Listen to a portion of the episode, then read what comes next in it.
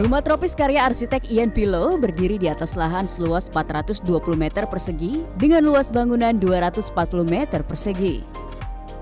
Rumah yang dibangun pada Desember 2019 ini mulai dihuni pada September 2020 oleh keluarga yang terdiri dari tiga orang. Rumah ini dibangun berdasarkan kebutuhan, berdasarkan karakter karakter karakter saya dan istri gitu ya, maunya seperti apa, menggabungkan sesuatu yang berbeda. Istri nggak terlalu suka outdoor, saya suka gitu ya. Istri doyan masak, ya saya juga doyan makan gitu ya. Jadi ya prosesnya agak panjang lah diskusinya.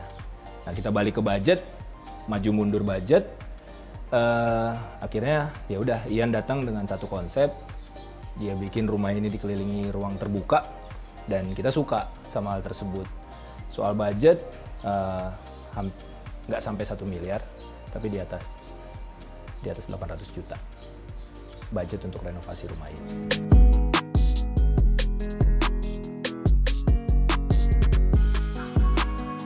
CNN Living mendapatkan kesempatan untuk berbincang-bincang dengan arsitek Ian seputar konsep rumah tropis di tengah kawasan padat penduduk.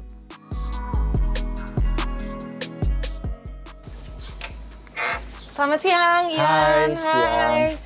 Wah, ini pintu masuknya kenapa ditaruh di samping nih, Ian? Kenapa Oh, nggak di tengah? iya. Karena saya pengen saat tuan rumahnya pulang, dia ada ngalamin prosesi ini.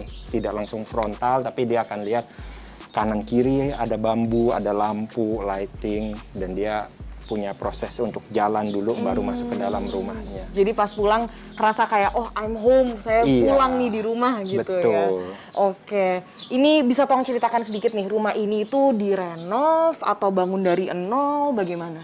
Dulunya ini ada rumah tua, tapi Hmm. terus dibongkar dan kita bangun dari awal lagi. Tapi material-material dari rumah tuanya kita sebisa mungkin kita gunakan ulang. Seperti ini ya, ada di samping halaman belakang ini temboknya Iya. terbuat dari atap, sirap-sirap atap. Itu dari rumah lama juga? Betul, ini dari genteng-genteng rumah lamanya diolah lagi jadi ornamen untuk dinding belakang. Oh, menarik ya. Iya. Terus ini atapnya bambu juga dari yang lama atau bagaimana? Oh enggak, ini ini baru. Nah bambunya dipakai dari yang di sini. Jadi sekaligus untuk jadi eh, menambah keteduhan, tapi bisa fungsional juga. Nebang sendiri, Iya, bikin sendiri nebang betul. sendiri. Karena tuan rumahnya juga kebetulan rajin.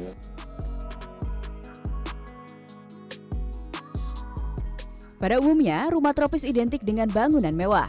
Namun, karena penghuni memiliki dana terbatas untuk membangun rumah, Ian pun mengeksplorasi sejumlah material agar tidak melebihi anggaran. Iya, salah satunya ini ya. Eh, saya coba hebel, saya susun tidur.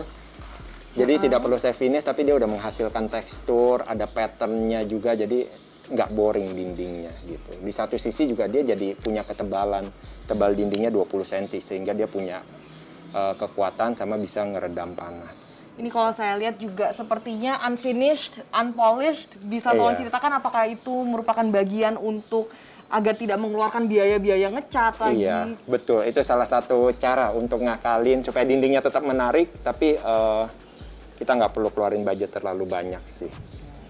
Nah ini temboknya juga kaca-kaca semua, memberikan kesan yang lebih tropikal, tapi panas nggak sih di dalam?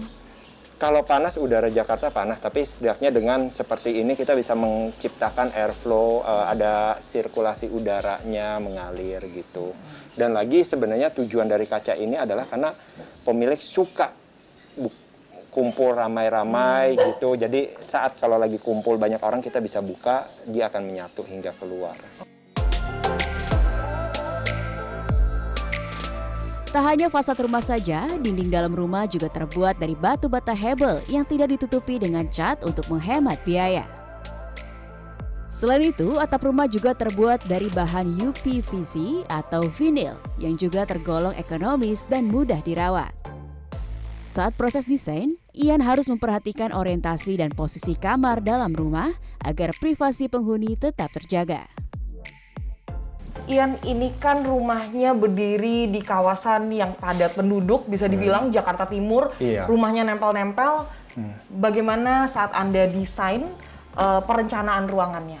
Untuk peletakan ruangnya saya nentuin beberapa titik yang punya view yang paling saya rasa paling baik. Salah satunya ini kita masih bisa melihat kejauhan. Sementara kalau di samping-samping kita buka jendela yang kita lihat tetangga. Makanya kamar utama saya letakkan di sini dia bisa lihat ke depan, bisa punya pemandangan yang luas. Gitu. Bagaimana dengan privasinya? Karena kalau padat penduduk kan seperti kita tahu gampang dilihat tuh dari luar ke dalam, dalam keluar, hmm. tetangga bisa ngelihat kita ngapain dalam rumah. Privasinya okay. seperti Nantinya akan masih akan ada secondary skin, tapi karena ini rumahnya bertumbuh, jadi itu akan dikerjakan di tahap berikutnya. Selain privasi, orientasi bangunan juga penting untuk memastikan pencahayaan alami serta arah mata angin agar rumah terang dan mendapatkan sirkulasi udara yang baik. Kedua hal ini bermanfaat tak hanya bagi kesehatan para penghuni, tetapi juga menekan penggunaan listrik dalam rumah. Karmel Mursalim, Arif Yunan, Jakarta.